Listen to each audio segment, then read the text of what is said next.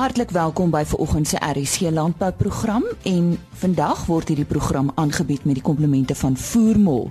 Sukses keer op keer. Ons gesels juis vanoggend met Voermol. Daarna praat ons oor die voordele van melkaantekening. Ons vind meer uit oor the journey of water. So, moenie weggaan nie. Philip Meyering is 'n tegniese bestuurder by Voermol. Ek wou by hom weet wat moet beesboere hul diere voer in die droë seisoen. Dankie Elise. Ehm um, soos jy weet, die grootste gedeelte van Suid-Afrika is somerreënvalgebiede met droë winters. En ehm um, omdat die temperature daal, die reënval afneem en die veld stadiger groei, val die kwaliteit van die veld soos die winter aangaan. Winterveld is gewoonlik droog, laag in proteïen, dis minder verteerbaar en die smaaklikheid is laag wat tot laer veldinnames lei. Al hierdie faktore lei na massaverlies en swak herkonsepsies in beeste. Nou die vraag is dan natuurlik, hoe kan boere hierdie probleem oorkom? Proteïen is in hierdie tydperk die mees belangrike ontbrekende nutriënt en dit is waar proteïenlekke in die prentjie inkom. Philip verduidelik vir ons bietjie meer hoe proteïen lekker werk en hoe dit jou beeste kan help deur die winter. Lise proteïen lekker vul die ontbrekende voedingsstowwe aan wat die veld nie kan gee nie. Hierdie aanvulling, veral proteïen in droë weiding, stimuleer die diere se eetlus. Dit bevorder ook die vertering van droë weiding wat dan weidingsinname met tot 20% kan verhoog. 'n Proteïenlek beperk kondisie en massaverlies waardeur vrugbaarheid bevorder word. So met ander woorde sonder voldoende proteïenaanvulling deur lekke op droë weiding bereik teelkoeie nie altyd 'n kondisie met die aanvang van die paarseisoen nie. Dit lei dan na swak besetting en later na laer en swakker kalfpersentasies. Diereprestasie en die optimale funksionering van die immuunstelsel word nadelig beïnvloed as diere 'n proteïentekort het en ehm um, ja, 'n lae weerstand weens swak immuniteit maak die diere dan meer vatbaar vir siektes. Wat is die unieke eienskappe van voermol se melasse gebaseerde proteïenlekke? Eerstens sal ek sê die risiko is is laag. Die irium vergiftigingsrisiko um, in voermol se lekke is baie laag as gevolg van drie redes. Die eerste rede is dat irium in al voermol se lekke in melasse stroop opgelos word die lekkendes natrium sonder enige gevaar. Ja, die tweede rede is dat die relatief lae pH van voermaalprodukte verseker dat die urium stadiger in die rumen tot ammoniak afgebreek word. Die stadiger beskikbaarheidstelling van ammoniak verseker doeltreffender benutting um, deur die mikrobes in die rumen en dit verlaag weer verder die risiko van die uriumvergiftiging. Die derde rede is dat die energie in melasse onmiddellik vir die mikrobes in die groot pens beskikbaar is.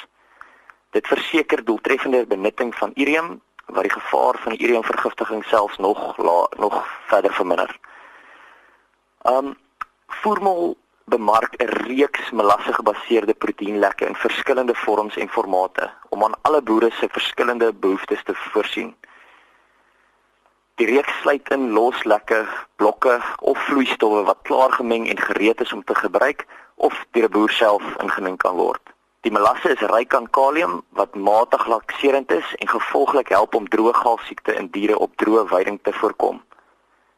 Die melasse in die voermol lekke is smaaklik en dit verseker dat die lekke nie stowwerig raak nie wat weer help om die voorgeskrewe lekke names te bereik.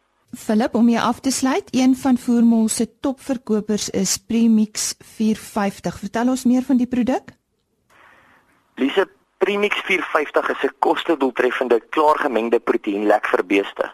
Dit help die vertering van droë rifoer aan, aangesien dit proteïen en spoorelemente verskaf wat die mikroorganismes in die groot pen stimuleer.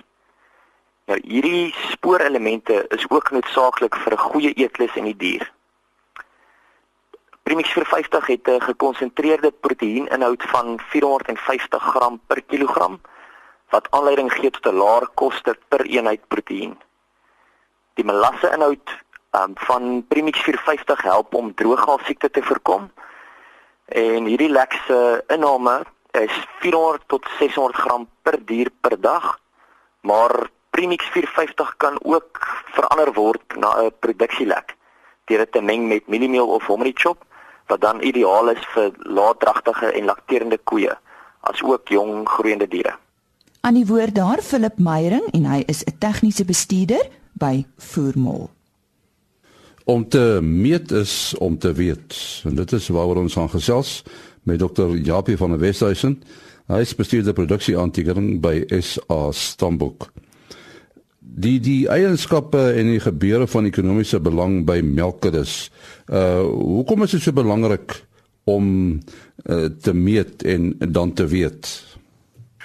En nie ehm uh, eintlik moet 'n ou sê as jy enige besigheid bedryf, moet jy sekerlik aanteken wat is die faktore wat 'n verskil in jou wins oor die langtermyn natuurlik oor die korttermyn ook kan maak.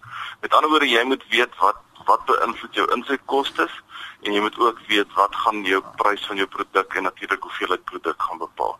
So so en dit dieselfde geld natuurlik in 'n melkkudde. Met ander woorde, jou koeie wat in jou kudde is wat eintlik jou enigste bron van inkomste is, uh jy moet weet hoe verskil hulle ons werk met biologiese materiaal met ander woorde met diere wat verskil in terme van die bestuursinsette wat jy gee uh en jou uh algemene bestuursvlak en die omgewing ensovoorts.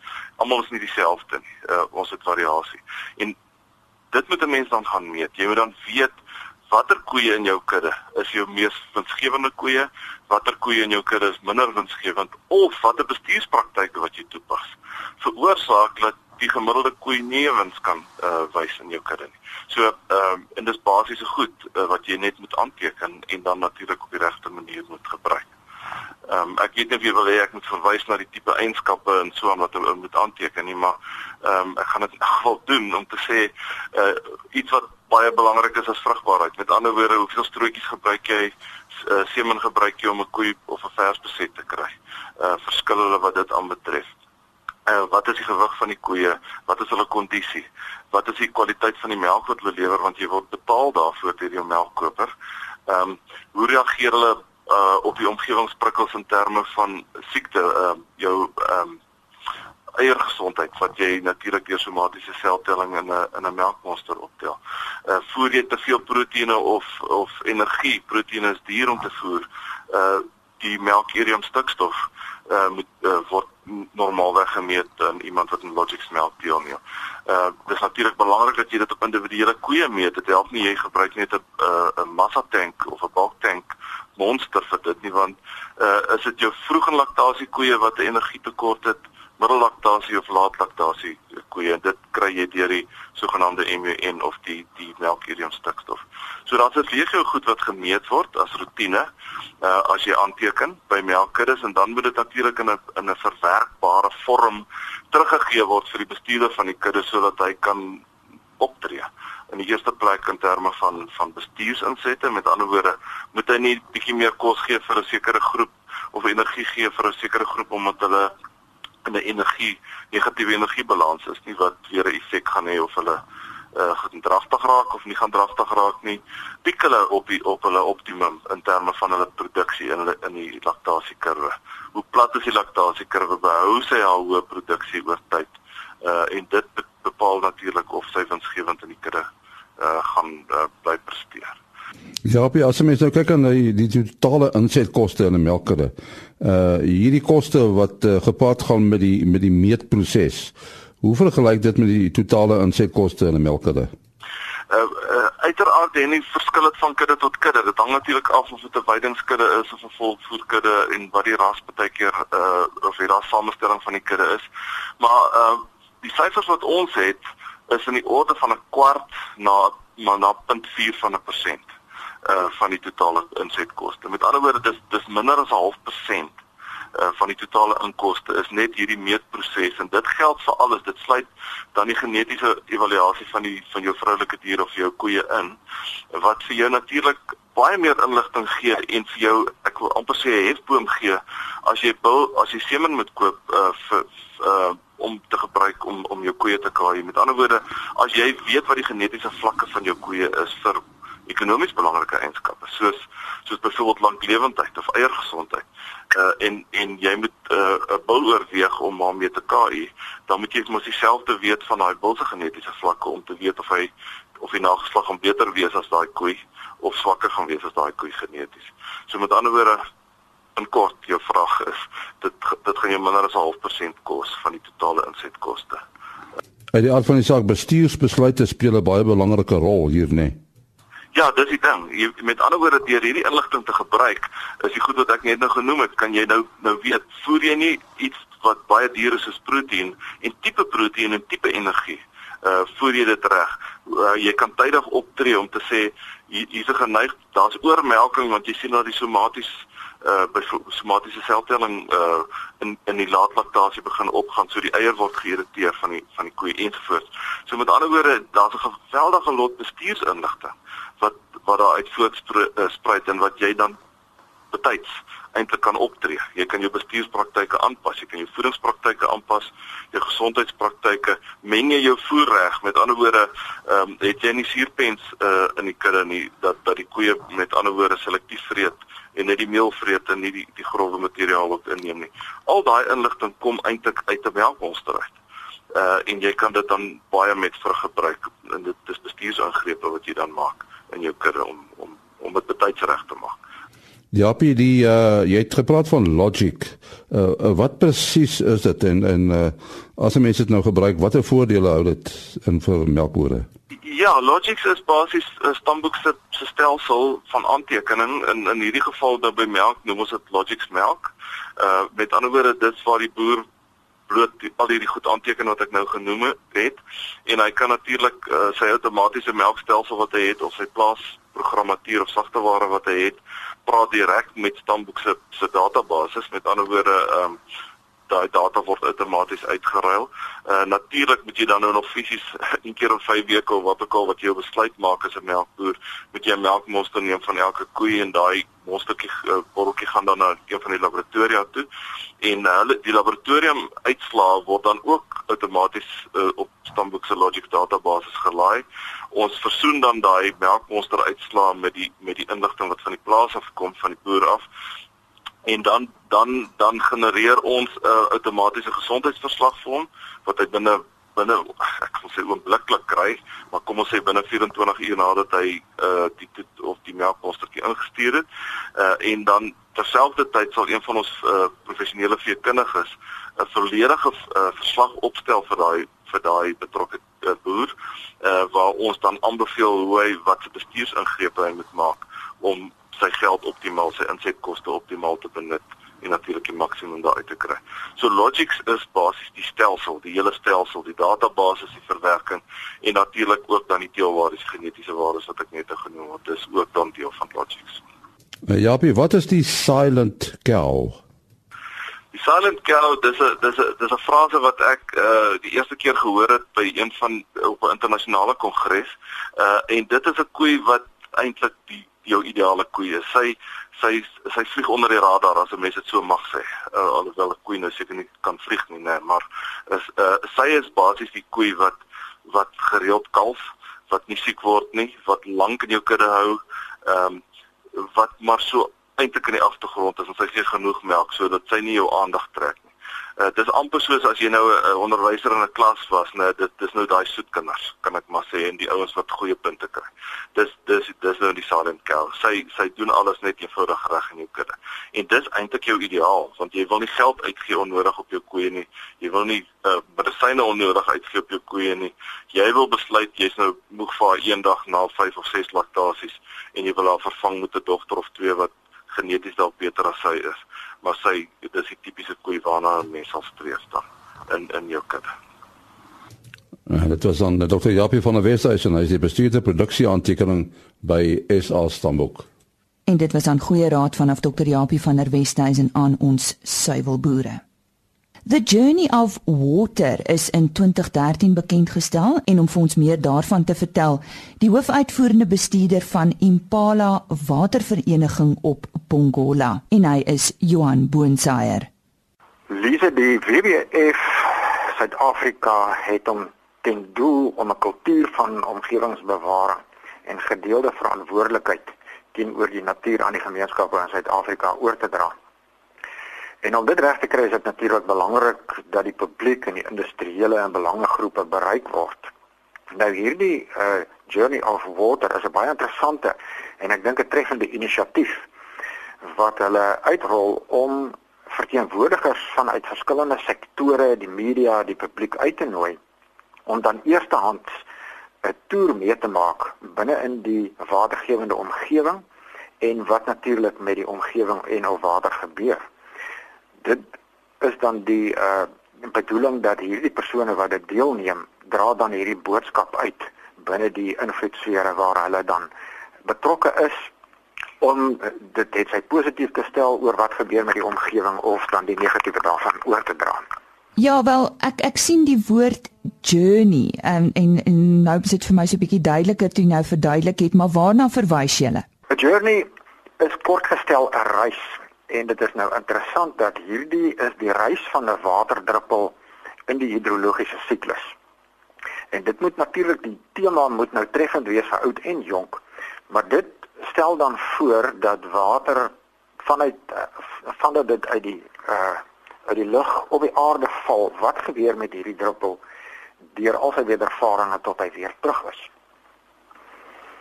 Uh terug bedoelende dan in die uh atmosfeer en daar gaan die druppel natuurlik deur ervarings van besoedeling van uh, gebruik maar ook lewe en groei wat dit uh, wat dit skep. Nou ons is nou 4 jaar later, wat is die bevindinge en ervarings tot dusver? Lise baie positief in die sin natuurlik veral van die deelnemers. Dit is geweldig interessant om die reaksie van die deelnemers te ervaar en hulle wedervarings te hoor. Dit is tipies dat mense uh blootgestel word aan 'n omgewing wat almal van selfsprekend uh, aanvaar maar nooit ervaar nie.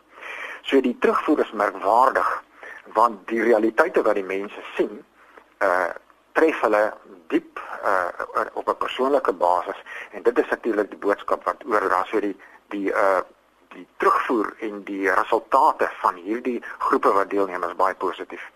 Nou ek wil graag oor die kommunikasie van die waterboodskap gesels. Hoe word hierdie boodskap nou oorgedra? Lise, die WWF gebruik verskeidenheid van maniere om die boodskap van gesonde omgewing en water oor te dra. Nou dit is dit is in 'n sekere sin so kompleks. Maar as ons maar van kant af begin, is dit natuurlik nuusbriewe, wetenskaplike, semi-wetenskaplike verslae, vennootskappe wat hulle met besighede het en dan ook, kom ons noem dit gewone man leefstyl inligtingstukke oor hoe gedrag beïnvloed kan word om op met ander oë na die omgewing te kyk. Dan baie groot inisiatiewe is natuurlik projekte wat op die grond uitgevoer word op verskeie plekke in Suid-Afrika wat dan deels deur uh, die WWF personeel gedoen word of dan vrywilligers wat daarbey betrokke raak en dan deur groot besighede befonds word. Nou 'n baie prominente een in Suid-Afrika is natuurlik Netbank wat deur sy Netbank Green Trust of dan die Netbank Green Affinity account bydraes lewer tot hierdie omgewingsprojekte. En dan van daar uit rol dit natuurlik deur media uh om onder die uh kennis van die publiek te kom en dan uh natuurlik vir gedragsverandering te stimuleer. Nou ons gesels met landbou en ek weet landbou word gesien as die nommer 1 watergebruiker of verbruiker en word gereeld beskuldig van onverantwoordelike gebruik. Watter boodskap het julle vir landbou? Daar is natuurlik 'n uh, mondvol. Ek dink die afgelope droogte waardeur ons is, het uh, almal baie deeglik laat besef die kwesbaarheid wat ons as mense en ons praktyke het teen die natuur. En dit is waar die arme boere staan altyd in die beskuldigde bank, maar ek dink almal moet besef wat kos eet en wat water drink van hulle kwesbaarhede daar uh, in daardie verband. Nou aan die boerdery wil ek graag die volgende oordra. Dat die volgende droogte is op pad. Droogte is 'n natuurlike siklus en binne 'n periode van sê 8 tot 12 jaar gaan ons hom weer kry. Daarom is die belangrikste dat boere hulle self nou reeds begin buffer uh teen so 'n gebeurlikheid. Die eerste is natuurlik dan finansiëel en wat 'n moeilike een op sy eie is, dan om hulle infrastruktuurstelsels op te gradeer tegnologie te implementeer wat uh, verseker dat hulle beter watergebruik en meer doeltreffend is. En dan is die fokus oor na vertikale prestasie toe. As ons die Engelse uh sin kan gebruik, is dit more crop per drop. En dan die bestuur. Die bestuur is die belangrikste faktor wat 'n ou moet aanspreek om homself te verskans teen droogtes. En dan weet ons boere maak 'n plan. Maar ons wil hê dat die boere moet die regte plan maak. En dat hulle nie onnodige risiko's loop met betrekking tot blootstelling wat hulle het aan watergebruik of ongeruimthede nie. Want al die oë is op water en al die oë is op waterskaarste. Ons kry al hoe meer dat water oorgeplaas word van na waterskaarsgebiede na wa hoë watergebruikgebiede. En in daardie geval word waterregte ook ondersoek om waterregte uh oor te plaas en weier te versprei want teen uh natuurlik mense wat voorheen benadeel was. En dan 'n laaste een is dat almal 'n boodskap van gedeelde verantwoordelikheid moet oordra om die natuur te beskerm want dit is uiteindelik die natuur wat almal van ons op aarde onderhou. Johan baie kortliks, waarom het die WWF hierdie jaar die Pongola rivier opvangsgebied gebruik om hierdie derde Journey of Water um, aan te bied of bekend te stel aan Suid-Afrika? Lieve, eerstens dit is omdat ons in hierdie opvanggebied van ons waarskynlik nog een van die min skoon en ongerepte opvanggebiede in Suid-Afrika is. Tweedens, ons neem die mense in in uh, ons opvanggebied natuurlik deur 'n toer wat drie verskillende klimatologiese en topografiese gebiede insluit vanaf 'n hoogte van 1300 meter bo seevlak tot 150 meter. En daardeur kan ons hulle baie effektief blootgestel het aan die verstommende mooi waterryke boorlope van die opvanggebied. Ook uh, wat ons hulle wys is die steenkoolmyn impakte op die omgewing, die negatiewe effekte daarvan positiewe en negatiewe grondgebruikspraktyke wat die omgewing benadeel. Dan ook aanpassings en inkoop van boere af om na omgewingsvriendelike praktyke aan te pas. En dan ook uiteindelik die negatiewe deel van waterbewaring en waterbestuur is ons eie weergawe van infrastruktuur verval en dienste verval wat ons in die klein dorpies ontvang. En dan het ons die toer afgesluit uh wat uh, ervaring op sy eie is die vyfde grootste dam in die land, die Pongola Poortdam en wat ook 'n voorbeeld is van die droogte wat ons nou net deur is.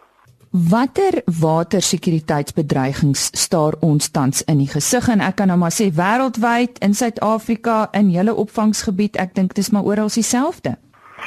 Grootendeels, ek dink as ons op 'n baie wyeer gebied praat, dan kan ons dit opsom in die volgende. Ek dink die eerste is die invloed wat ontwikkeling en populasiedruk op die omgewing plaas. Nou dit is albei is is ook 'n mond vol en daar is baie faktore wat daarbey ter sprake is.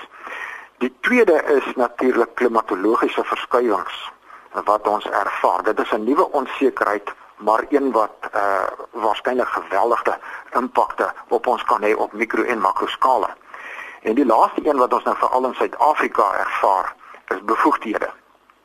Dit is 'n baie bekommerde ding wat baie oor geskryf word in die media en wetenskaplike uh artikels uh wat 'n imploffing kan veroorsaak op baie beheerstelsels en maatreëls wat ons in die land moet in plek hê om ons waterbronne te kan beveilig vir die toekoms.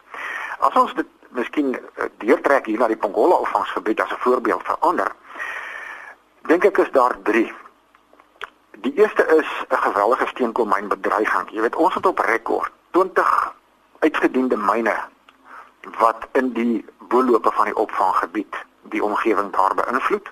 En sedert 2009 sit ons al reeds met 19 nuwe aansoeke waarmee ons handel en dit is al gesentreer in die waterryke boorlope. Verder is dit is uh, swak grondgebruikspraktyke.